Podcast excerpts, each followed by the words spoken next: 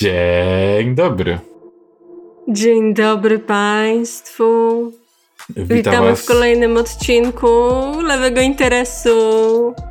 Tak, to, to my. Lewy interes, fit podtekst, a, odcinki technologiczne, część druga w pewnym sensie, ale jak, jak wam się nie chce słuchać poprzedniej, to też dacie radę być z nami.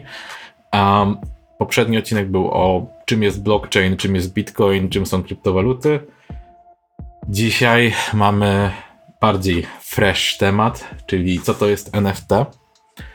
A ja z góry przepraszam, mogą się dziać dziwne dźwięki w moim tle, ponieważ e, piesek do mnie wrócił po, po paru tygodniach wakacji i roz, bardzo, jest bardzo głośny czasami i wzdycha ciężko, więc jak ktoś wzdycha ciężko, to mój piesek. Co, co, mogę, e, co, co, co mogę wam powiedzieć w związku z poprzednim odcinkiem? Postaramy się być w miarę e, tutaj całościowi, wholesome, hehe. E, raczej zawrzemy wszystko, co jest potrzebne, ale jak już mówiłem, zachęcam do poprzedniego odcinka. Uważam, że jest to dość, e, dość dobre wytłumaczenie, tak powiem skromnie. Znaczy, nie, to nie ja, nie ja robiłem, tylko nasz gość, e, ja z podtekstu, z mojego drugiego pod, podcastu, który nigdy nie do końca nie wystartował. Nie E, znacie go, nie znacie tamtego Krzysia. Tamten Krzyś On chodzi do innej szkoły. chodził do szkoły w Kanadzie. Tak, on, on chodził do też technicznej szkoły i tam się nauczył robić techniczne rzeczy. A, I tak, więc e, dzisiaj, jak już chyba wspomniałem, NFT.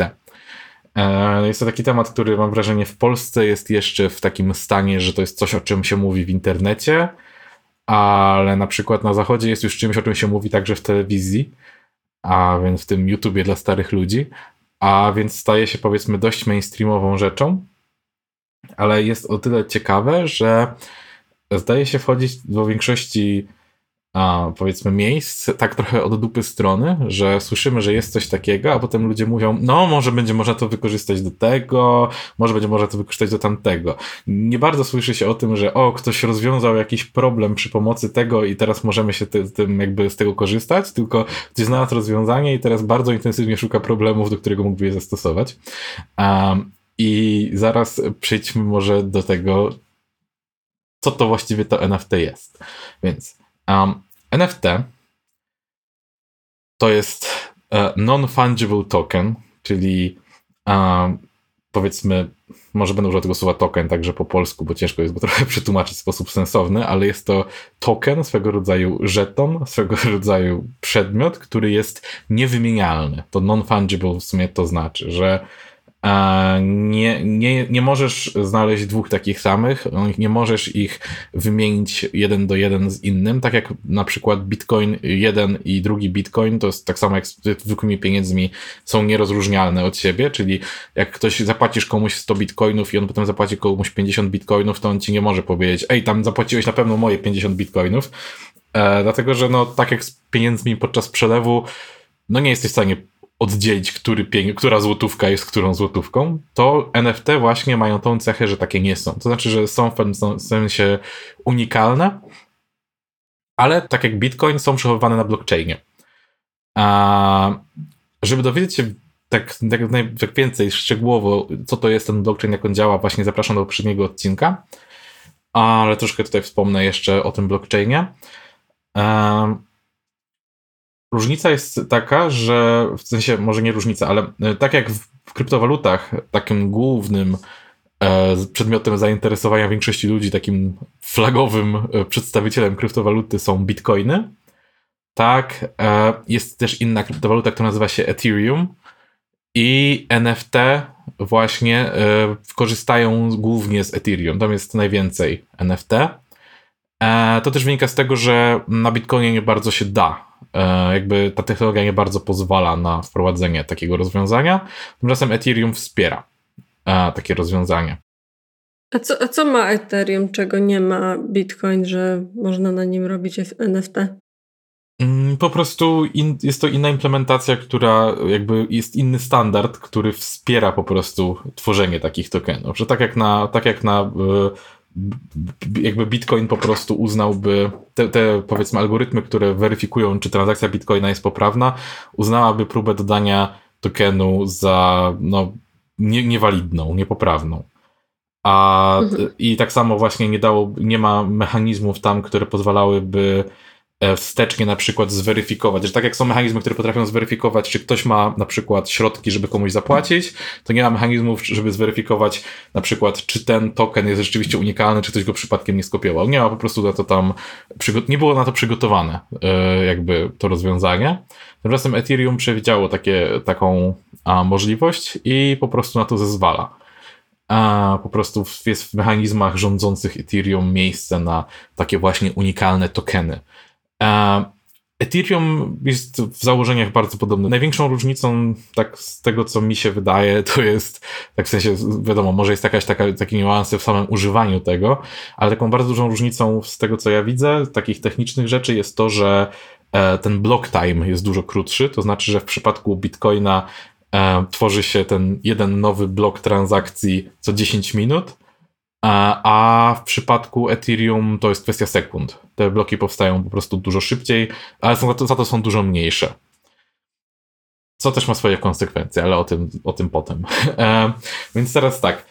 Czyli z takiego technicznego punktu widzenia NFT to jest po prostu pewien pliczek, pewien, pewien powiedzmy, pewna struktura danych, e, którą można dodać do bloku na blockchainie. E, tak samo jak można dodać właśnie kryptowalutę na taki blok, to możesz dodać tam pewien przedmiot. I on ma swoje zasady, które, które nim rządzą, czyli pewne jakby standardy, które on musi spełniać, żeby, taka, żeby taki blok zawierający takie NFT był legalny, żeby był poprawny, bo może mały taki, mała powtórka z tego, jak ten blockchain działa. Blockchain działa tak, że mnóstwo ludzi trzyma na swoich komputerach po prostu takie łańcuchy zrobione z bloków, i wykorzystuje się pewien bardzo złożony mechanizm, żeby upewnić się, że wszyscy mają ten sam e, łańcuch na swoim komputerze, taki sam łańcuch, żeby to było wiarygodne. Um, właśnie więcej o tym, jak ten mechanizm dokładnie działa, możecie zobaczyć w poprzednim odcinku, ale e, dzięki temu właśnie, że to jest jakby ten blok jest, e, ten łańcuch bloków jest na komputerze tych wielu użytkowników rozproszonych po całym świecie, no to bez żadnego konkretnego jednego jakby e, poświadczyciela jesteśmy w stanie stwierdzić, kto co zrobił w ramach tej, tego łańcucha transakcji, tego łańcucha bloków, na których zapisujemy transakcje. I tym samym jesteśmy w stanie sprawdzić, kto ma ile pieniędzy, kto, do kogo należy jaki token, jakie NFT. E, I jakby można to sobie publicznie sprawdzić. E, przy czym może to sprawdzić publicznie, ale jednocześnie jest to w pewnym sensie anonimowe, no bo musimy E, możemy zweryfikować kto co zrobił, ale ten ktoś nie musi wcale nam podawać swojego, nie wiem, imienia i nazwiska, tylko musi znać jakby, mieć dostęp do konkretnego hasła, żeby móc nam udowodnić, że jest tą samą osobą, e, co wcześniej. Więc jakby to są takie podstawowe założenia blockchaina. No i w przypadku Bitcoina właśnie taki nowy blok transakcji, na którym można by teoretycznie przechowywać tokeny, ale tam akurat nie można i na którym przechowuje się transakcje, powstaje co 10 minut. W przypadku Ethereum to jest co e, tam chyba 10 sekund, kilkanaście sekund e, i są to dużo mniejsze bloki. E, I teraz tak. E, przez to, że to jest właśnie przechowywane na wielu komputerach na raz i żeby zagwarantować e, wiarygodność tego, że wszyscy mają tą samą poprawną wersję tych transakcji, że nikt nie, nie próbował zmienić historii, to wymaga ogromnej pracy ze strony mnóstwa komputerów która tak naprawdę jest marnowana, bo to nie jest tak, że one rozwiązują jakieś, nie wiem, problemy realne, które się gdzieś tam przydadzą. Jedyne, co one robią, to jest zapewniają właśnie wiarygodność temu łańcuchowi. I to zużywa mnóstwo prądu. Naprawdę mnóstwo prądu, dlatego że do tego wykorzystuje się e, karty graficzne w większości przypadków, w większości, w większości przypadków, a karty graficzne to jest jedna z najbardziej prądożernych części komputera, a więc y, no nie jest kolorowo. E, I e, taka, na przykład taka ciekawostka, szacuje się, że jedna transakcja Ethereum to zużywa około 238 kWh, w trakcie gdy miesięcznie polskie czteroosobowe gospodarstwo domowe zużywa około 190 kWh. E, co sprawia, że, co sprawia, że nawet kiedy tych transakcji nie jest tak bardzo dużo, bo tych ludzie aż tak strasznie nie używają, a co e, Ethereum zużywa łącznie około 60% tego, co, Pol co Polska zużywa w ciągu roku. A samo Ethereum podaje, w sensie samo powiedzmy stowarzyszenie ludzi reprezentujących Ethereum na ich głównych stronach a podaje trochę mniejszą liczbę, ale to jest wciąż około 50%. To jest mniej więcej tyle, co Finlandia zużywa i że sami, sami zadeklarowali, że mają ślad węglowy porównywalny do Szwajcarii. A, a więc nie wesoło. A jeszcze tak dla porównania, właśnie jedna transakcja Ethereum 238 kWh, polskie gospodarstwo domowe 190 kWh, 100 tysięcy transakcji kartą Visa 148 kWh. Więc jest ta dysproporcja bardzo taka duża, bym powiedział.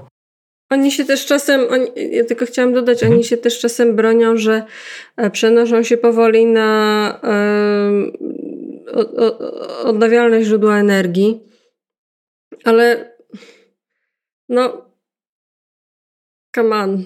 Przede wszystkim problem jest taki, że przez to, że to jest z natury rozproszone, czyli nie może być żadnego ciała kontrolującego, kto ma dostęp do, genero do generowania tych obliczeń, nie możesz w żaden sposób narzucić komuś, żeby korzystał z odnawialnych źródeł energii. Więc to, że część ludzi sobie to deklaruje, e, to spoko, ale tak naprawdę jeżeli pojawią się organizacje, które zaczną to kontrolować, no to w tym momencie całe, całe przedsięwzięcie traci sens, bo właśnie jakby kluczem blockchaina, tym takim głównym atrybutem miało być to, że on jest rozproszony, że nie ma tego, tego centralnego ciała, które by kontrolowało takie rzeczy, więc no trochę bez sensu, nie? bym powiedział. Tak, poza tym dalej, to jest dalej marnotrawstwo. Dalej te, to zielona energia, nawet jeśli jest produkowana naprawdę ekologicznie, to ona mogłaby być faktycznie wykorzystywana przez ludzi, a nie wykorzystywana do tworzenia sudoku. Właśnie, co, co jeszcze warto wspomnieć, to to, że problem z blockchainem jest taki, że im więcej osób z niego korzysta, tym on się, tym on się staje mniej wydajny, bo e, przez to, że właśnie jakby szybkość powstawania, dodawania nowych transakcji jest stała wewnątrz danego, e, danej technologii, to jeżeli więcej osób się do, dołącza jakby do systemu, to po prostu więcej osób musi wykonać więcej obliczeń, ale to wcale nie sprawia, że one, y, że na przykład transakcje działają szybciej, czyli to nie jest tak, że dojdziemy do jakiegoś momentu, w którym to będzie wydajne, a co więcej, jeżeli mniej osób zacznie to robić, to w tym momencie traci, ten cały system traci wiarygodność, czyli traci sens, a więc jakby jego skuteczność jest jednoznacznie powiązana z jego marnotrawstwem. Ale co jest e, jakąś tam nadzieją, że może będzie trochę lepiej, to kilka dni temu właśnie nawet pojawiły się nowe deklaracje ze strony powiedzmy społeczności e, Ethereum, że chcą przejść na inny sposób właśnie gwarantowania tej powiedzmy mm, autentyczności blockchaina, jakim, tak jak obecnie używają skrajnie nieekologicznego i nieekonomicznego tak naprawdę proof of work, a teraz zapowiadają, że chcą się przesiąść na proof of stake. E, więcej o tej różnicy opowiadałem w poprzednim odcinku, ale no rzeczywiście jest to potencjalnie bardzo e, krok w dobrą stronę, ale istnieje ryzyko, że to się nie wydarzy, dlatego że mnóstwo ludzi zainwestowało mnóstwo pieniędzy w koparki do kryptowalut i jeżeli to zaczę, przestałoby mieć taką dużą wartość, to to, będzie, to nie będzie mi się to podobało. A poza tym Proof of Stake ma taki problem, że e, ma tendencję do skrajnego centralizowania bogactwa w bardzo ograniczonym miejscu. To znaczy, kto jest, ten, kto jest bogatszy, ten e, dość szybko się bogaci, e, jeżeli korzysta z właśnie, jeżeli e, kryptowaluta korzysta z Proof of Stake. No ale jak już mówiłem, więcej o tym w poprzednim odcinku.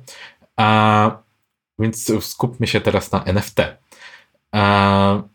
Często się słyszy z NFT, że ktoś mówi e, na przykład ten obrazek jest NFT, albo kupiłem e, NFT z takim a takim obrazkiem, albo z takim a takim przedmiotem e, przed w grze komputerowej. I problem jest taki, że samo NFT nie zawiera tego przedmiotu, tego obrazka, NFT musi się zmieścić w bloku, e, w blockchainie i tam e, muszą być dość małe te obiekty, zwłaszcza jeżeli Ethereum te bloki ma małe. I na ogół takie NFT to jest po prostu taki klocek z danymi, który zawiera um, tak zwane metadane, czyli na przykład jakąś informację, kiedy został stworzony po raz pierwszy, jakąś informację, kto go stworzył pierwotnie, Przy czym no, to nie musi być sam NFT przechowywane, no bo można zawsze sobie sprawdzić historię, bo blockchain na to pozwala, że możemy sprawdzić, kiedy to powstało i kto to zrobił.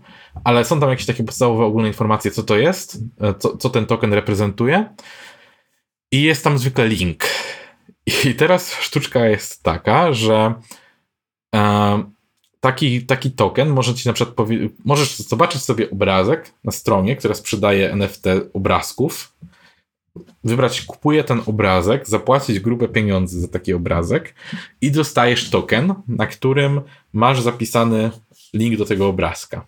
Ale teraz, żeby link działał, to jakaś strona musi ten obrazek hostować. Gdzieś on musi być na czyimś serwerze. Jeżeli ta strona się zamknie, jeżeli ten serwer padnie albo stwierdzi pierdol się, kasuje twój obrazek, to masz NFT, które zawiera martwy link tak jak się czasami zdarza, nie? że się wejdzie na jakąś stronę i jest. Na ogół to jest, kiedy czegoś bardzo szukasz i znajdujesz, o, tutaj jest artykuł, który mówi o tym więcej. Klikasz i prowadzi cię do tego, że nie ma takiej strony w sieci.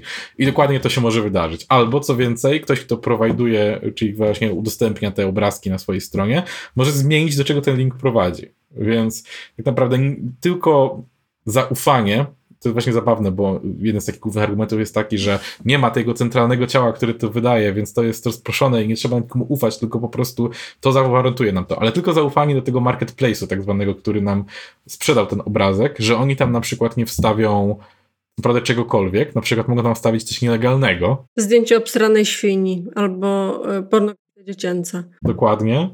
E, więc właśnie mogą nawet wstawić coś nielegalnego w to miejsce. I właściwie co, co, co ty tak naprawdę masz? E, to jest ten problem, że ludzie często mówią, że NFT reprezentuje akt własności czegoś, że na przykład akt własności obrazka, albo akt własności tweeta, albo akt własności jakiegoś wydarzenia. To też jest ciekawe. Na przykład e, jeden z moich byłych pracodawców sprzedaje akty własności chwil z życia Logana Pola. E, what the fuck? Więc hmm. A więc chodzi o to, że możesz e, w ten sposób mieć taki token, który jest przechowywany na pewnej sieci, która nie ma żadnego e, wsparcia, żadnego jakby poparcia ze strony żadnego instytucji prawnej, w którym możesz sobie zobaczyć, że ktoś e, zapisał, że na przykład właśnie wręcza ci prawo własności do pierwszego tweeta na Twitterze, albo właśnie do momentu, w którym Logan Paul znajduje ciało w lesie samobójców i postanawia wrzucić to na YouTube'a, gdzie oglądają go siedmiolatki.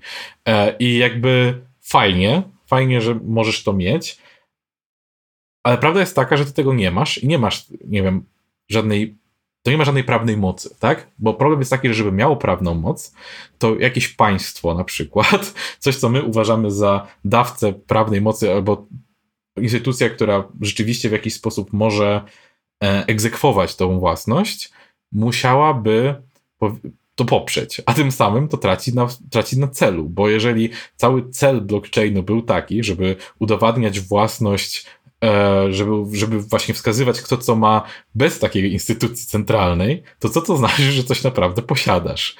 E, w przypadku pieniędzy ma to może odrobinę więcej sensu, bo, bo jakby masz masz tą y, ograniczoną pulę pieniędzy, które są w obrocie i przez to, że one są ograniczone w jakiś sposób, to rzeczywiście można udowodnić jakieś takie e, no, że jakby ma to jakąś wartość przez to, że jest ograniczone, tak, po prostu. Ale tak naprawdę co to zmienia, bo sam algorytm narzuca tą ograniczoność, ale co to zmienia, że ty masz dostęp do, że ty masz prawo do jakiegoś obrazka, który można sobie skopiować i co więcej, jakby z definicji będzie można wejść w ten twój token i sobie go zapisać. E, wiadomo, to może mieć jakąś wartość, do tego jeszcze przejdę trochę potem tak personalnie dla ciebie, ale z praktycznego punktu widzenia, coś co jest mam wrażenie rzadko podkreślane, to jest tak, że ty nie masz respektowanego przez żadną międzynarodową instytucję, może poza społecznością danej kryptowaluty, e, nie masz prawa własności, do tego przedmiotu, nie masz sposobu, by wyegzekwować tą własność w jakikolwiek sposób, nie masz praw autorskich, wbrew temu, co się niektórym wydaje, bo też już były historie, że ludzie wykupili jakieś NFT-ki z e, tam było z jakimiś zdjęciami z, e, czy koncept artami e, z ekranizacji Duny, która nigdy nie powstała i, i mówili, że zrobią teraz własny film na tej podstawie. Nie, nie zrobią, bo nie mają praw autorskich ani do tych koncept artów, ani do Duny jako takiej. I, I na dobrą sprawę masz link, który nawet nie, nie jest jego, jego stałość, jego ciągłość nie jest gwarantowana przez tą technologię, tylko przez zewnętrznego prowajdera, któremu musisz zaufać. To jest duży problem.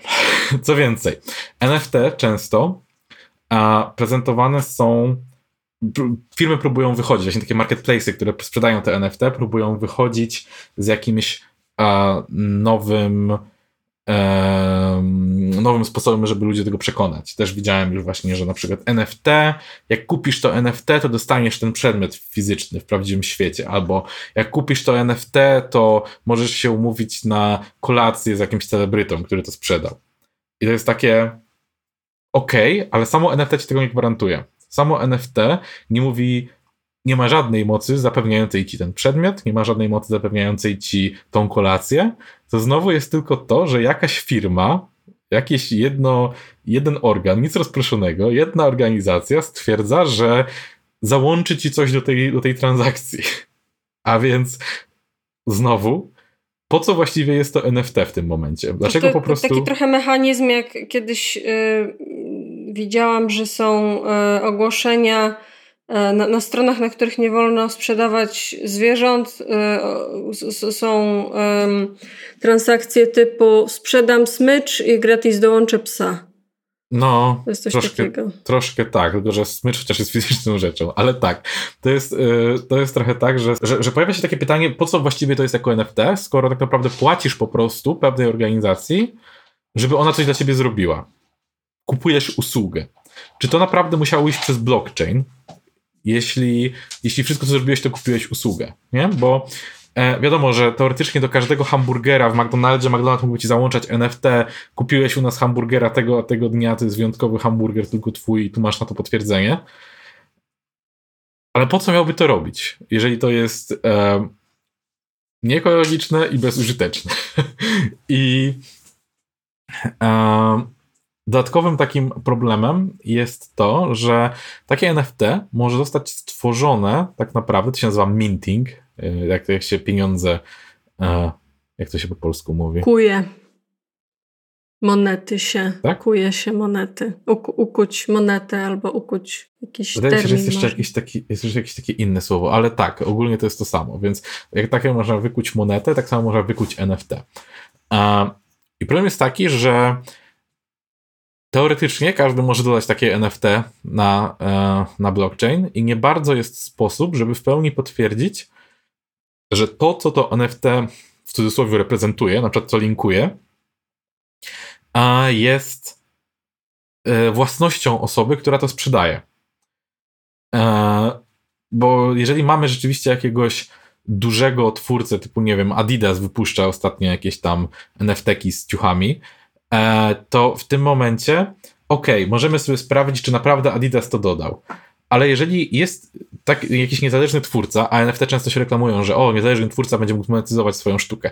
Jeżeli to jest niezależny twórca, to naprawdę nie istnieje sposób, przy pomocy, żeby przy pomocy samego blockchaina zweryfikować, czy ten twórca naprawdę dodał tego NFT. Czy to nie jest tak, że ktoś po prostu wszedł sobie na jego stronę, skopiował sobie wszystko, co on ma i nie zaczął ich dodawać jako swoje. Jakiś czas temu e, była troszkę głośniejsza sprawa, że na przykład ktoś sprzedawał NFT przedstawiające GIFy.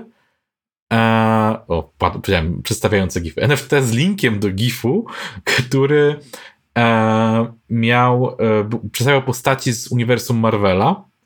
I one serio były po miliony dolarów. Chyba 2 miliony za takiego się płaciło. Ale Marvel nie był dystrybutorem tych NFT. To był to był totalnie, e, totalnie nielegalne tak naprawdę. E, przepraszam, bo Tali usłyszy. Sorry na chwilę. Tali, chodź. Więc to te gify z bohaterami Marvela nie były wydane przez Marvela. Ktoś to zrobił, e, złamał prawa autorskie, wrzucił sobie to i sprzedawał to za grube pieniądze. I znowu, wiadomo, można zweryfikować, czy Marvel się pod tym podpisuje, ale sam blockchain ci tego nie zapewni. Sama technologia NFT ci tego w żaden sposób nie zapewnia. I to jest rzecz, która się zdarza dość często, że właśnie artyści znajdują potem swoje e, obrazy, swoje zdjęcia jako NFT, których nigdy nie sprzedali. E, a przy okazji ciężko jest wręcz udowodnić potem, że tak naprawdę nastąpiła taka kradzież, no bo nic im nie zabrano. Nikt e, w pewnym sensie wszystko, co się stało, to zostało podlinkowane, mogło nawet być do linka na ich stronie. E, fragment tekstu się znalazł z linkiem na jakimś, na jakimś e, blockchainie, więc teoretycznie nie istnieje sposób, żeby jednoznacznie wskazać, e, że to zostało ukradzione, bo tak naprawdę nikt tego nie posiada. I, ale ktoś się na tym wzbogacił kosztem e, artysty, tak naprawdę. I to jest problem. I w pewnym sensie jedyne sposoby, żeby tak mieć jakąś weryfikację, czy na przykład osoba, która sprzedaje jakieś obrazki, naprawdę ma do nich prawo, to jest tak, raz, że musisz rozpoznawać jakiś koncept prawa, a to kłóci się trochę z tą zdecentralizowaną ideą, e, jaka miała stać za tym wszystkim, a dwa, e, musisz mieć jakiś system, który jakiegoś, znowu, poświadczyciela, który e, któremu ufasz, że on to zweryfikował. Czyli na przykład możesz sprawdzić, że ton, token został zmintowany przez e, konkret, konkretnego, na przykład konkretny marketplace, konkretną firmę, która zajmuje się wytwarzaniem tokenów i musisz ufać, że ta firma to zrobiła. Czyli e, przy okazji płacisz im procent przy każdej transakcji, bo e, częścią NFT, taką dość istotną, o czym wcześniej już wspominałem, jest to, że one zawierają sobie coś takiego jak e, smart contract. Smart contract to jest po prostu e, zestaw zasad, które e, zostaną wykonane za każdym razem, gdy token zostanie sprzedany, przekazany komuś. I może być tam na przykład zapisane, że konkretna prowizja od każdej sprzedaży trafi do oryginalnego mintera za każdym razem. A więc masz do wyboru, raz, raz, że zdarza się, że ludzie do końca nie rozumieją tego i na przykład kupują coś, myślą, że sprzedadzą to z korzyścią, a sprzedają to ze stratą, bo nie wiedzieli, że część transakcji pójdzie do oryginalnego twórcy, który nawet nie musiał być oryginalną twórcą dobra, które teoretycznie było powiązane do tego tokenu. E, a dwa, że właśnie jeżeli chcesz mieć jakąś usługę, która poświadcza, że naprawdę to dobro zostało sprzedane przez oryginalnego twórcę, no to musisz ufać tej organizacji i musisz płacić tej organizacji. Więc znowu idea o decentralizacji jest totalnie e, zapomniana w tym momencie. I szczerze mówiąc, to jest trochę, trochę przejebane moim zdaniem. Ale e, przechodząc do takich rzeczy, które uważam za w pewnym sensie sensowne, I guess, jakby, może trochę, zastosowania e, NFT, które mogę uznać, że okej, okay, niech wam będzie, wciąż da się to zrobić lepiej, zaraz powiem jak, ale e, jedna rzecz to jest po prostu kolekcjonerstwo, czyli jeżeli zaakceptujemy, że e, to nie jest tak, że to posiadasz, ale po prostu chcesz kolekcjonować coś unikalnego, co znajduje się na blockchainie, czyli z jakiegoś powodu jara cię sam blockchain i jara cię to, że w każdy może tam sprawdzić, że coś posiadasz e, że posiadasz właśnie ten pliczek, który do czegoś się wiąże, to w sumie jakby okej, okay, nie? Twoja sprawa. To jest trochę jak z posiadaniem e, rzadkiej karty Pokémon, e, że jakby okej, okay, wydałeś na nią gruby hajs, masz ją teraz, cieszy cię to fajnie, tylko trzeba właśnie w pewnym sensie zdawać sobie sprawę, że gdy posiadasz NFT, to no nie posiadasz przedmiotu, posiadasz dobro cyfrowe, jakim jest samo NFT tak naprawdę, ale wiadomo, może cię cieszyć fakt, że na przykład artysta, którego lubisz, wyprodukował takie NFT, ty zapłaciłeś za to NFT i teraz masz to NFT, masz dowód, że kiedyś zapłaciłeś temu twórcy, ten artysta coś za to dostał, ten artysta jakby zdał sobie sprawę z twojego istnienia, wręczając ci ten cyfrowy przedmiot. Jakby okej, okay, nie? Nie jest to najgorsze na świecie, aczkolwiek biorąc pod uwagę koszt energetyczny, pojawia się pytanie, czy powinniśmy niszczyć planetę dlatego, że ktoś chce sobie zbierać cyfrowe karty Pokémon, nie? E, I druga rzecz, czy, czy to jest w pełni uzasadnione, że e, na przykład koncerny medialne, firmy, e, całe kraje zaczynają totalnie hypować coś, co jest tak naprawdę wariacją na temat zbierania kart z Pokémonami. A, i, to, I to, że potem ludzie próbują przedstawiać super zastosowania dla tego, to jest też takie dla mnie chore, bo to jest trochę tak właśnie jakby ktoś powiedział hej, a wiesz, że karty Pokémon mogą napędzać także twój samochód i zapytasz go, ale w jaki kurwa sposób? Mówi, jeszcze nie wiem, ale może coś wymyślimy, nie? To to jest dla mnie podobna rzecz. Że ktoś znalazł coś, co ma jakieś tam swoje zastosowanie, bardzo takie właśnie specyficzne i próbują powiedzieć, to jest nowa rzecz, ona zmieni wszystko.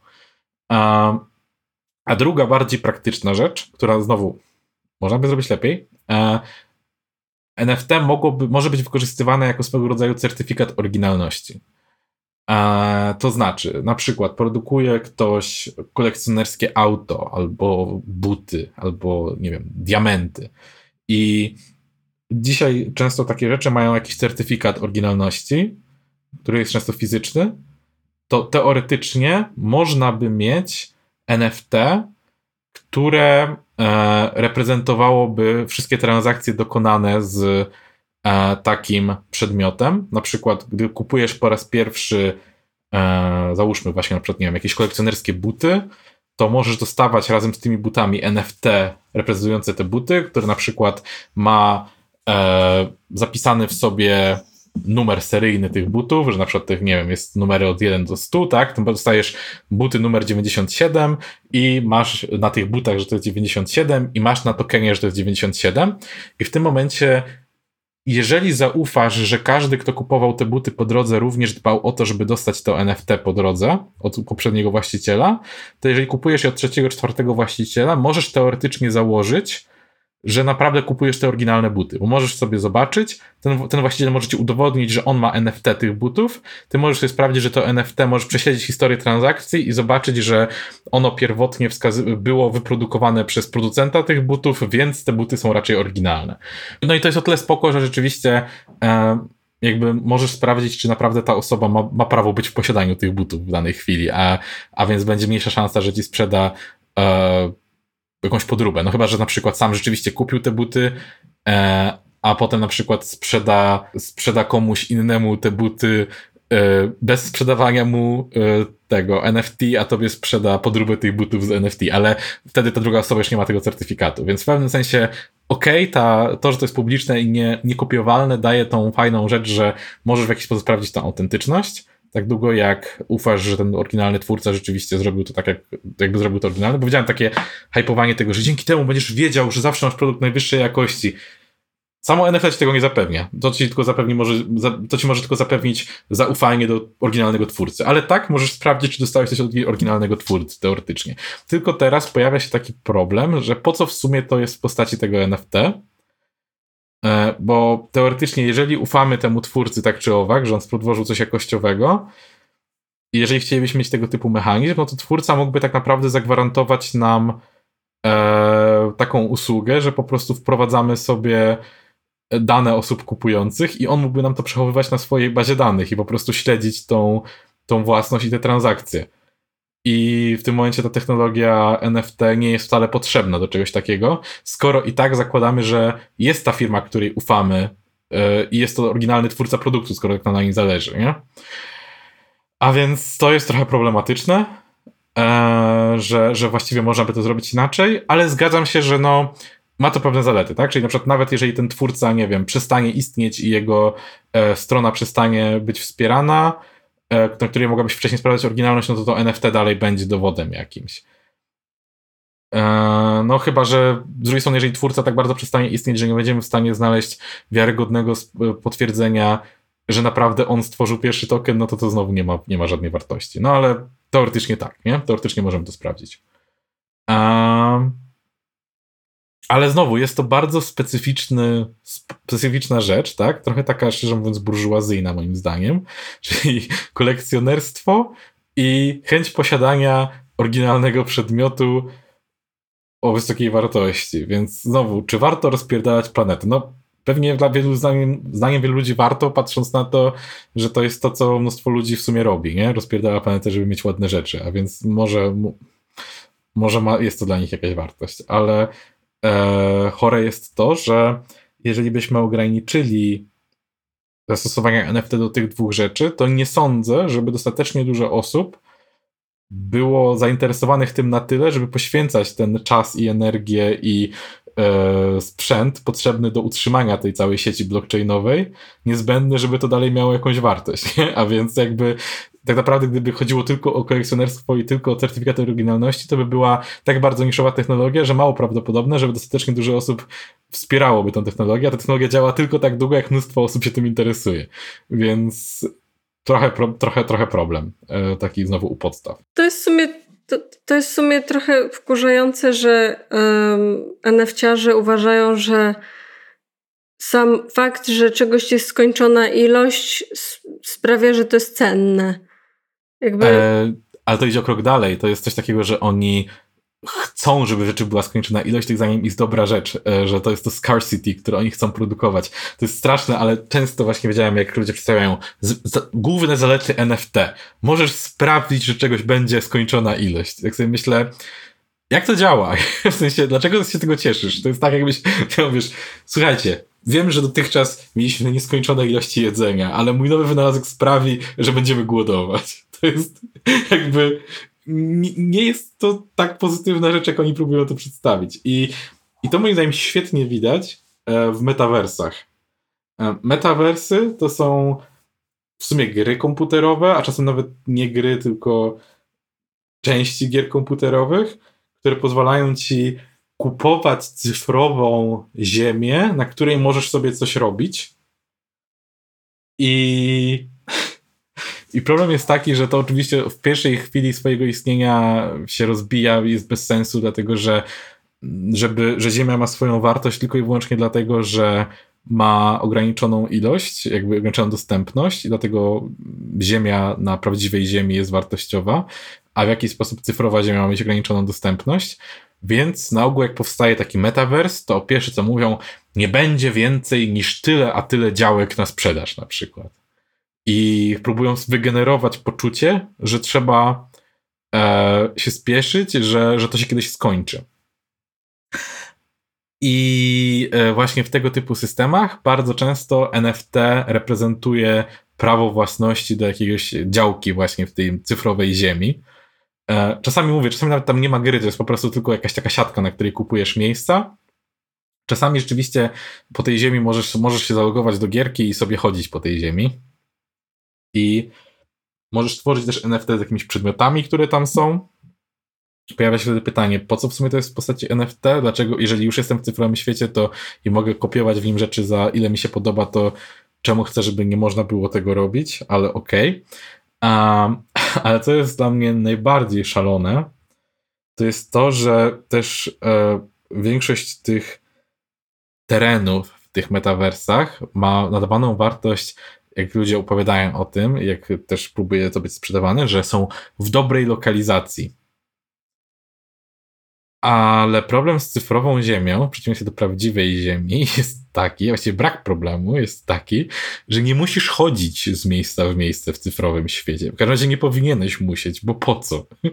I jeżeli, jeżeli to ma być gra, w której coś robisz i sobie eksplorujesz, jak nie wiem, w jakiejś grze typu Wiedźmin, to jedno ale, ale oni e, próbują to przedstawić jako coś takiego, że to jest koło dobrego placu i tam jest dużo dróg, więc ludzie będą przechodzić, więc jak pomieścisz tam reklamę, to, to ta reklama będzie ci przynosić dużo pieniędzy, bo dużo ludzi ją zobaczy na przykład. I pojawia się takie pytanie, że jeżeli ludzie będą mogli się po prostu teleportować z miejsca w miejsce, bo technologia na to pozwala, to ta, to ta lokacja nie ma sensu, lokalizacja nie ma sensu, nie ma żadnej wartości.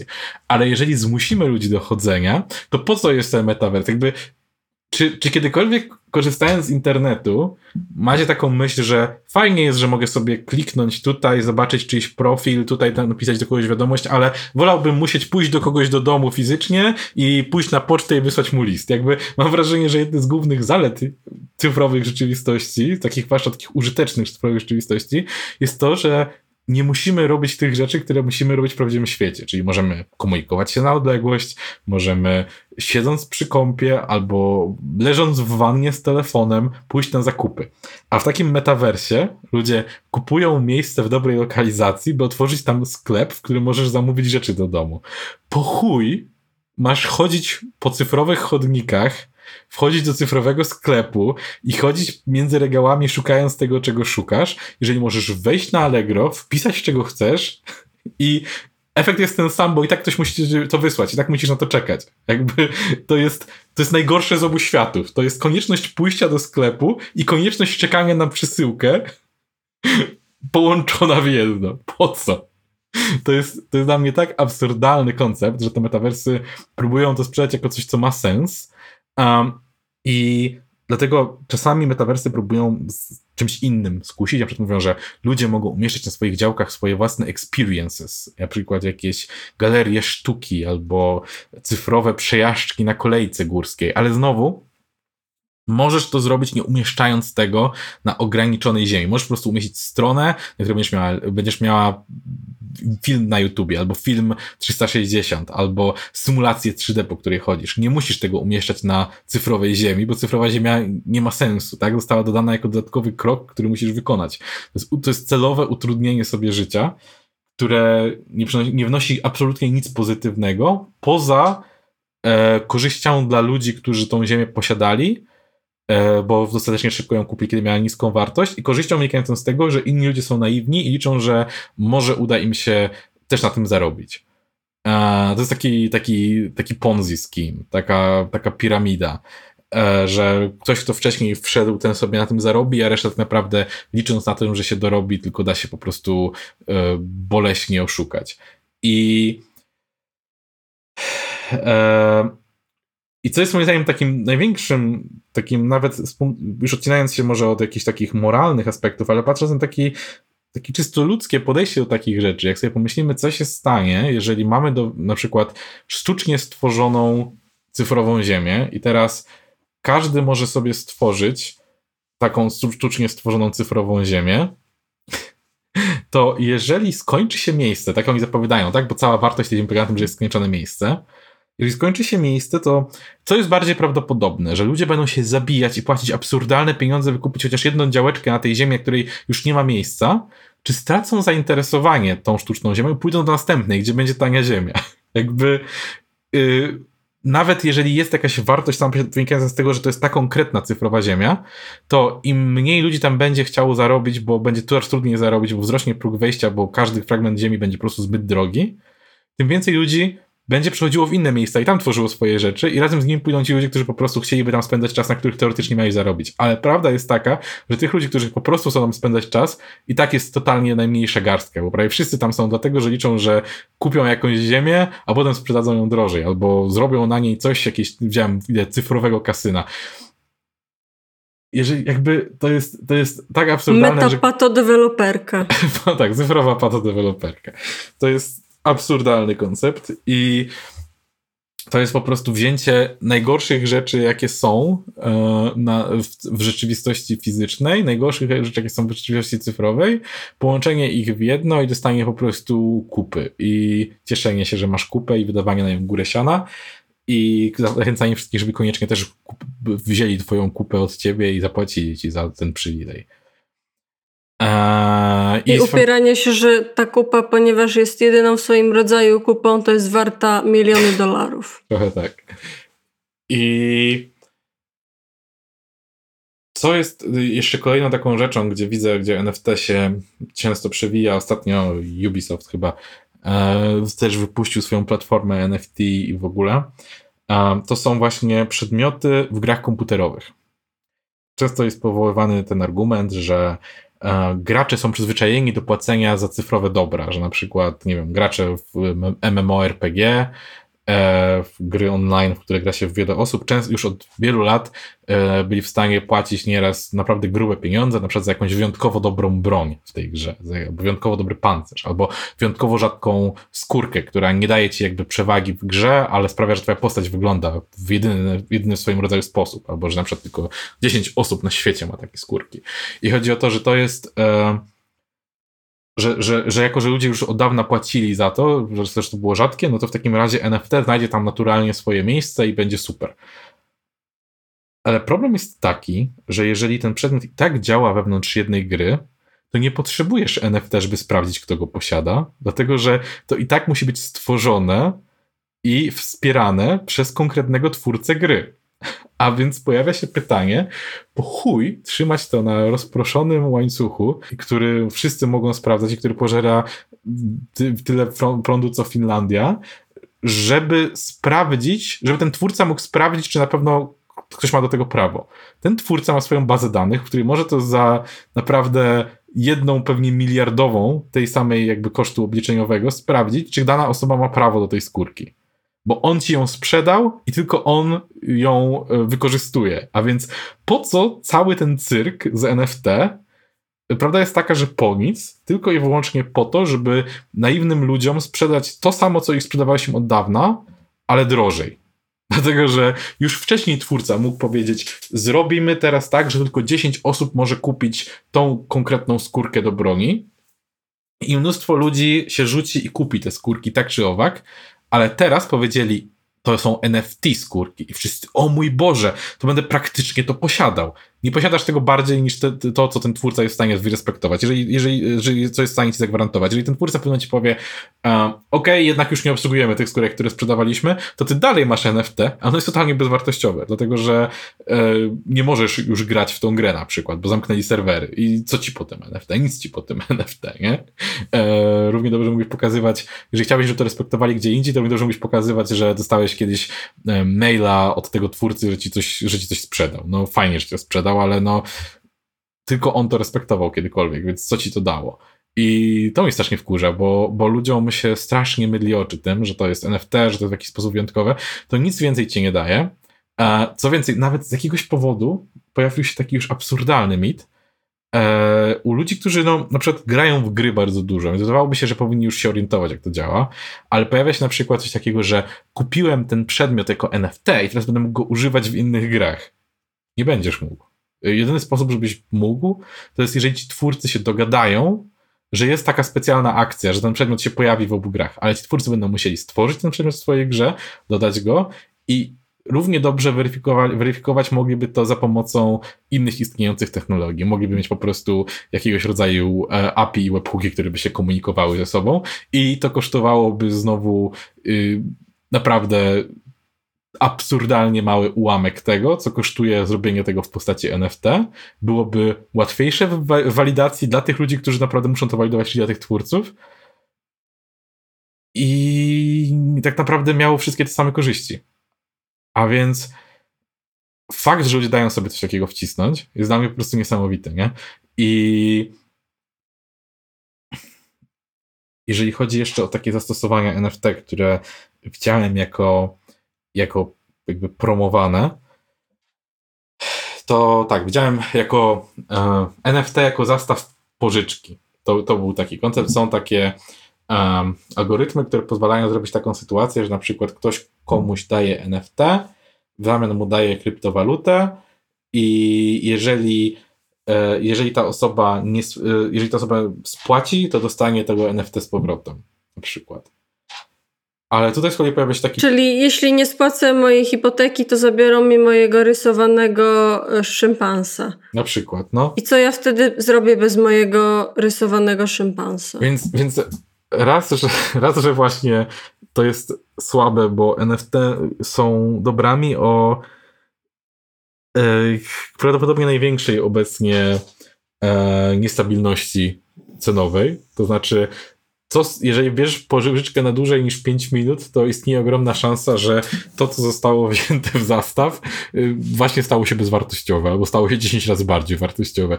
To wcale nie działa sensownie ten system i, i tak naprawdę możesz to rozwiązać w dowolny inny sposób, korzystając e, z instytucji bankowej, tak naprawdę, bo i tak na ogół zrobienie tych tego y, całego układu, w którym ktoś dostaje to NFT w zastaw, jest, y, wymaga pośrednika, który przeprowadzi tę operację. E, następnym pomysłem, który widziałem, który miał być zrewolucjonowany, miał być na przykład akty własności domów. Ale znowu, to, kto posiada dom, e, musi być tak naprawdę, e, musi za tym stać jakiegoś rodzaju prawo, zwykle państwowe, jakiegoś organu, który ma władzę nad danym terenem, tak? Ma na przykład możliwość e, wy, wykorzystania przemocy, żeby e, wywalić kogoś z domu. E, inaczej e, tak naprawdę jakby te, tego typu prawny system musi stać za własnością według jakby wszystkich współczesnych standardów, bo inaczej co to znaczy, że masz ten dom? A A więc e, okej, okay, możesz przenieść akt własności na NFT, ale czym to się różni od aktu notarialnego, tak naprawdę w tym momencie. Skoro Poza tak... tym, to, to, tym się różni, że przestajesz być anonimowy i zaczy... twój adres tak naprawdę, jeśli mieszkasz w domu, którym posiadasz, to wszyscy wiedzą, gdzie mieszkasz. Znaczy, no wiesz, teoretycznie właśnie możesz mieć to podpisane tylko swoim ID-kiem, który nie musi być publicznie dostępny, nie? Ale z drugiej strony, y, jeżeli Ale to, to... wtedy, jeśli, jeśli akt notarialny nie ma twojego nazwiska, to co to za akt notarialny? Dokładnie, więc nawet jeżeli, może, możesz to ukryć przed całym blockchainem, ale w tym momencie państwo musi mieć powiązanie twojego portfela e, z twoją osobą jakiegoś rodzaju, więc więc co to daje? Nie? Nic to nie daje, jest po prostu y, bardziej dziwnym systemem, w którym I też często się mówi, no ale możesz się pozbyć pośredników. Nie, i tak tak naprawdę wszystkie transakcje tego typu zwykle przechodzą przez pośredników, przez właśnie marketplace'y, przez e, jakiegoś rodzaju firmy, które gwarantują e, autentyczność i tak dalej, więc e, no nie wiem, no, to jest, to jest, to nie wydaje mi się to rozwiązaniem jakiegokolwiek problemu, tylko po prostu to jest jakaś zmiana i która nie ma żadnych podstaw, żeby ją oceniać jako najlepsze. Um, też widziałem na przykład, że to będzie świetne w logistyce i łańcuchach produkcji, bo będziesz mogła sprawdzić, gdzie co jest i, e, i właśnie kto to teraz ma. No, ale problem jest taki, że trzeba by, żeby wszyscy przyjęli ten sam standard. No i teraz, jeżeli tak wszyscy muszą przyjąć ten sam standard, żeby to działało, to czemu po prostu nie będą korzystać z wspólnej usługi na przykład, albo nie będą sobie po prostu wysyłać e, informacji przez internet. E, mogą tak samo zjebać w komunikacji z przesłaniem komuś NFT, jak i z wysłaniem komuś maila, albo zautomatyzowanego właśnie e, zawołania HTTP e, między, między serwerami, więc co to daje? Nie za dużo. I Zwłaszcza jeżeli mówimy o na przykład łańcuchach produkcyjnych, w których chcemy, żeby komunikowały się ze sobą e, uczestnicy tego łańcucha produkcyjnego, oni często wręcz mogą nie chcieć, żeby ta komunikacja zachodziła poprzez publiczny blockchain, więc i tak będą musieli sobie to wszystko zakodować, więc jak to i tak przechodzi zakodowane i jest czytane tylko dla ludzi po obu stronach, to po co to umieszczać na blockchainie, jeżeli możecie to sobie wysłać prywatnie? Jakby to jest, to jest tak bardzo znalezienie rozwiązania na nieistniejący problem, a potem wynajdowanie problemów, żeby to rozwiązanie gdzieś zastosować, albo co gorsza, e, wy, wymyślanie, że zapominanie o istniejących rozwiązaniach na rzecz zastosowania swojego beznadziejnego problemu. Ręce mi opadają, wkurza mnie to i jestem osobiście bardzo zły na popularność tego wszystkiego, chociażby dlatego, że tak naprawdę, e, jako że jestem programistą, e, ja nie mogę przed tym uciec w tym momencie, nie? Jakby gdzie, nie, gdzie nie ląduję, w jakiej, w jakiej pracy, prędzej czy później się okazuje, że robi, gdzieś jest robiony jakiś projekt dla kryptowalut, gdzieś jest robiony jakiś projekt z NFT. E, niektóre firmy w całości zmieniają się, firmy zajmujące się moim zdaniem skamam, skamami z NFT. E, wiadomo, to nie są tylko skamy. Ktoś może być w pełni świadomy, że po prostu właśnie wydał 700 tysięcy dolarów na link do obrazka z małpą, który może w każdej chwili zniknąć, ale to wcale nie czyni mnie szczęśliwszym, bo nie czuję, że w sensie widzę, że po prostu praca inżynierów, praca naukowców często, praca ludzi, którzy mogliby wykonywać jakieś chociaż trochę sensowne produkty. No jakby bądźmy szczerzy, większość rzeczy produkowanych w kapitalizmie to jest zmarnowana praca, nie? No bo jesteśmy zmuszeni do wynajdowania w kółko tego i tego samego na nowo dla kolejnego startupu, który zaraz upadnie, ale fakt, że teraz jeszcze te startupy nawet nie udają, że robią coś sensownego, tylko wymyślają jakieś gówna, e, platform, kolejną platformę do sprzedaży narysowanej brzydko małpy. Jakby nie mogę, po prostu mało że mnie tak wkurwia jak to.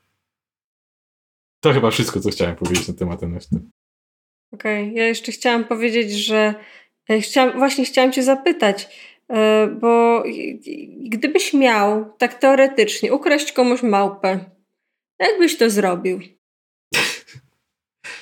E, myślę, że myślę, że poszedłbym najpierw do weterynarza z, e, z psem wielkości tej małpy, takim szacunkowo, i powiedział, że muszę kupić środki uspokajające dla tego psa, bo on będzie leciał samolotem i on by mi dał wtedy strzykawkę ze środkiem usypiającym ostatecznej wielkości. Mi wiedział, że nie skrzywdzę tej małpy, bo by było na masę wyliczona.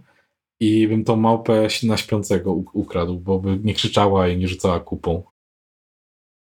No dobrze, a teraz poważnie. Jakbyś miał ukraść taką prawdziwą małpę, a jak mówię prawdziwą, to mam na myśli rysowaną. No to bym kliknął e... prawym przyciskiem myszy i zrobił zapisz obraz, ale szczerze mówiąc, jak dla mnie to jest w ogóle to jest w pewnym sensie aż szkodliwe, mówienie o kradzieży tych rysunkowych małp, bo to sprawia, że ci ludzie myślą, że ludzie chcą mieć ich małpy, a prawda jest taka, że ludzie kradną te małpy tylko po to, by ich wkurwić, bo tak naprawdę nikomu nie zależy na posiadaniu tych paskudztw na swoich komputerach. Jakby po co ci to? To, to nawet to, to nie jest nawet tak, że to stworzy... Czy właśnie, bo czy na przykład, okej, okay, są, są obrazy, które można się kłócić, czy są ładne, czy są wykonane z kunsztem, ale na ogół na przykład ludzie przypisują im wartość przez to, że są stworzone przez jakiegoś artystę. A możecie powiedzieć, jak się nazywa gościu, który zrobił te małpy, jedne czy drugie, albo lwy, albo kto, ten gościu, który wziął te wszystkie małpy, które są, obrócił je na lewą stronę i zaczął sprzedawać jako coś tam monkey, czy tam coś tam ape. Jakby to jest to jest tak bardzo bezwartościowe. Nawet mogę powiedzieć, że cały ten, ten interes ten interes nfciarski to jest lewy interes. To jest bardzo lewy interes i i w sumie właśnie te wszystkie takie rzeczy z tymi właśnie ten, ten, ten e, board się nazywa Board Ape Yacht Club. Board Ape Yacht Club, tak. No, więc na przykład właśnie to e, tak naprawdę właśnie jest taki youtuber, którego dość lubię, który zwykle robi rzeczy o, o gierkach, głównie o MMORPG, ale zrobił a właśnie kiedyś jest taki dość moim zdaniem, może zrobił tam parę błędów w tłumaczeniu technologii jakby za tym, ale podobało mi się to, co powiedział, że właśnie z tym jakby właśnie z tymi małpami na przykład, to jest tak, że to jest tak jakbyś e, zrobiła sobie kolejkę z skończoną liczbą miejsc, która nie prowadzi do nikąd, e, która się nie przemieszcza w żadnym kierunku, i zaczęła sprzedawać miejsca w tej kolejce, mówiąc ludziom, że jest skończona liczba. I oni pytają, ale po co mi miejsce w kolejce? Mówisz, no ale jest skończona liczba tych miejsc. I no i ludzie nie chcą kupować miejsca w twojej kolejce stojącej donikąd, a więc wieszasz obrazki koło tej, kawałek obok, ale obok tej kolejki i mówisz, hej, chcesz kupić miejsce w kolejce koło mojej małpy? I ktoś pyta, o, ale będę miał tą małpę? Nie, nie, nie, ale będziesz stał koło tej małpy. I, I nagle wszyscy się rzucają, mówią, o ja pierdolę, 200 tysięcy dolarów za to miejsce koło tej żółtej małpy w okularach. A ktoś krzyczy, nie, nie, ja dam 300. I, i nagle ludzie się zabijają o to, żeby stać w kolejce stojącej donikąd, koło których ktoś zawiesił y, małpy, które nawet nie są narysowane przez kogoś konkretnie, tylko są wygenerowane z iluś tam gotowych y, parametrów i po prostu zrandomizowane. Jakby to jest, to jest moim zdaniem dość, dość dobra alegoria. Tylko alegoria, ale wciąż dość bliska tego, jak to wygląda, że właśnie to jest po prostu e, stworzenie sztucznej, sztucznej niedostępności, sztucznej małej dostępności czegoś oraz wymyślenie samej tej rzeczy, której jest mała dostępność. To nie tylko to nie tylko tak, że tego jest mało, to nawet nie wiedziałeś, że tego potrzebujesz, ale teraz tego potrzebujesz i musisz je spieszyć, bo jest tego mało. I w przeciwieństwie do innych takich rzeczy, które czasami tak działają, kiedy nie wiem, na przykład jak się zaczęły pojawiać tablety i nagle wszyscy musieli mieć tablet e, i było takie duże ciśnienie i wszędzie próbowali się to wcisnąć na raty i wszyscy dostawcy telefonii komórkowej nagle mówili, o teraz jak kupisz nas telefon, to damy ci tablet za pół ceny i nikt się nie zastanawiał, do czego ci ten tablet. Wciąż, jak dostałeś tablet, chociaż masz urządzenie multimedialne, jak kupisz sobie miejsce w kolejce koło brzydkiej małpy, tak naprawdę nawet nie masz tego. No i generalnie cały biznes nfciarski, biznes y, kryptowalutowy jest trochę takim wymyślaniem, takim, takim skamem, ale takim skamowaniem siebie samego. Y, bo ci ludzie, którzy tworzą NFT, też to jest pewnie dla nich jakaś praca, którą wykonują, w którą wierzą, ale nie będą mieli z tego kokosów. W sensie. Część będzie miała, nie? To jest też ten problem, że ci early adapterzy, którzy dostatecznie e, wcześnie w to weszli i dostatecznie szybko z tego uciekną, e, oni się na tym wzbogacą, rzeczywiście, nie? Ludzie, którzy, ludzie, którzy właśnie dostatecznie wskoczą w to, wskoczą, kiedy to nie będzie dostatecznie, e, kiedy nie będzie to zbyt drogie i wyskoczą, kiedy to jeszcze będzie drogie, to jest super. To są takie trochę muzyczne krzesła, nie? Bo potem, potem zostaną ci ludzie, którzy kupili to, gdy to było najdroższe i będą czekali, żeby to komuś sprzedać, bo na przykład e, pokierują się instynktem e, wyrobionym albo nauczonym, który zwykle ma na przykład rację bytu przy chociażby na giełdzie, czyli że na przykład kupili to, gdy było droższe, teraz jest tańsze, to sobie pomyślą, no to po prostu zaczekam, aż znowu będzie drogie, zanim to sprzedam, nie? Ale nie pomyślą o tym, że tak jak na giełdzie też się zdarza czasami, że coś już nie, nie wróci do dobrej jakości, do dobrej wartości, to tutaj to jest jeszcze gorzej, bo to wszystko prędzej czy później po prostu stanie się zupełnie bezwartościowe i będzie praktycznie nie do kupienia, nie? Czy nie do, nie do sprzedania. I skończysz z czymś, za co zapłaciłeś 700 tysięcy dolarów, co tak naprawdę nie istnieje i czego nie możesz sprzedać. Czyli tak naprawdę po prostu sprzedałeś 700 tysięcy, oddałeś 700 tysięcy komuś za darmo. No i jest oczywiście jeszcze pranie pieniędzy, ale o tym już nawet nie będę mówił w tym odcinku. Dobra, e, ogólnie to co, mój wniosek z całej tej historii jest taki, że to jest wszystko e, oszustwo typu pump and dump e, i generalnie ci, którzy teraz promują NFT, bardziej im zależy na tym, żeby nowi ludzie kupili to NFT, żeby jakby oni mieli, żeby ci, którzy są teraz na górze, mieli komu sprzedać swoje NFT, nie, nie zbijając ceny w dół jednocześnie. E, taki jest mój, mój wniosek z tego. Tak, to jest, to jest mm. całość zupełnie oparta na hypie i na FOMO. Pamiętam, że Trochę... nawet były takie. Mhm.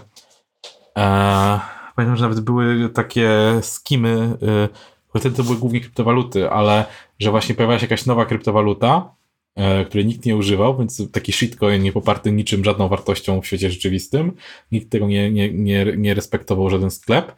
E, ludzie się zgadywali na zamkniętych Discordach, e, zaczynali kupować to masowo, od siebie nawzajem nieraz, żeby pompować tego wartość w dolarach.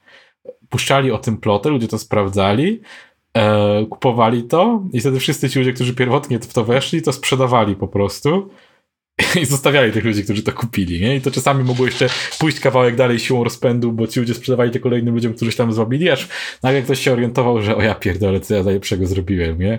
I, i, i wtedy, wtedy właśnie zostawałeś z takim gorącym ziemniaczkiem, który nikt nie chce od ciebie złapać. I no, tak się żyje, nie? Na blockchainie. Przykro mi.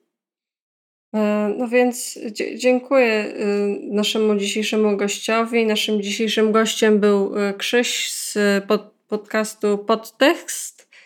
E, A, dziękuję, dziękuję, dziękuję. Za, za, za, za przyjęcie mnie. Dziękujemy Ci, Krzysiu. E, jesteś naszym wielkim guru, wielkim mistrzem. Czy chciałbyś coś może promować, Krzysiu? Hmm. To jest taki fajny podcast E, prowadzony przez moich dwoje ulubionych e, podcasterów. Nazywa się Lewy Interes. Koniecznie go posłuchajcie, zasubskrybujcie. E, a, a poza tym to chyba nie, tak szczerze mówiąc. Już, ja już wszystko powiedziałem, co miałem do powiedzenia. A może byśmy tak dla beki wypuścili swoje NFT? Albo stworzyli swojego własnego shitcoina i byśmy byli tymi wczesnymi adapterami byśmy posiadali pierwsze dwa shitcoiny, lew, lewcoiny yy, i byśmy je napompowali. Wszyscy, trzeba, trzeba będzie założyć portfel w, w lewcoinie, żeby być naszym subskrybentem, a potem jak zrobi się tam kilku, kilkuset, może parę tysięcy subskrybentów, czyli posiadaczy lewcoina, to my wtedy sprzedamy i Będziemy milionerami. Nie, bo jak Levcoin już, już są te, te wiesz, NFT-ki z lwami, hehe, to Levcoin będzie brzmiał jak jedno z tych. Nie, no dobra, to nie. nie ja, ja, ja, ja, ja nie chcę tego robić, y, ale szczerze mówiąc kusiło mnie, to prawda to kosztuje na ogół, żeby wydać takiego coina, ale aż mnie kusiło, żeby zrobić to dla Beki. Y, ale niestety widziałem y, już fanpage, które zrobiły to dla Beki i potem, potem ludzie serio to kupowali i ja, ja nie chcę, żeby ludzie to kupowali. No. No dobrze, dziękujemy. Dziękujemy naszym patronom. Którzy będą, do, dostaną nasze promocyjne lewcoiny, kiedy je założymy. Ostatnio Paris Hilton rozdała w jakimś late night show swoją drogą wszystkim gościom e, swoje NFT z jakimiś scenami ze swojego życia. Paris Hilton, kto o niej słyszał przez ostatnie 15 lat, pojawia się i jest NFciarą. E, tak, więc e, nasi patroni MF, Jean, Michał Kolacha, Sylwia i Konrad, Super Kokos, Michał Piotrowski. Edycja dźwięku Szymon Krutowicz. Dziękujemy bardzo. Pa, pa! pa!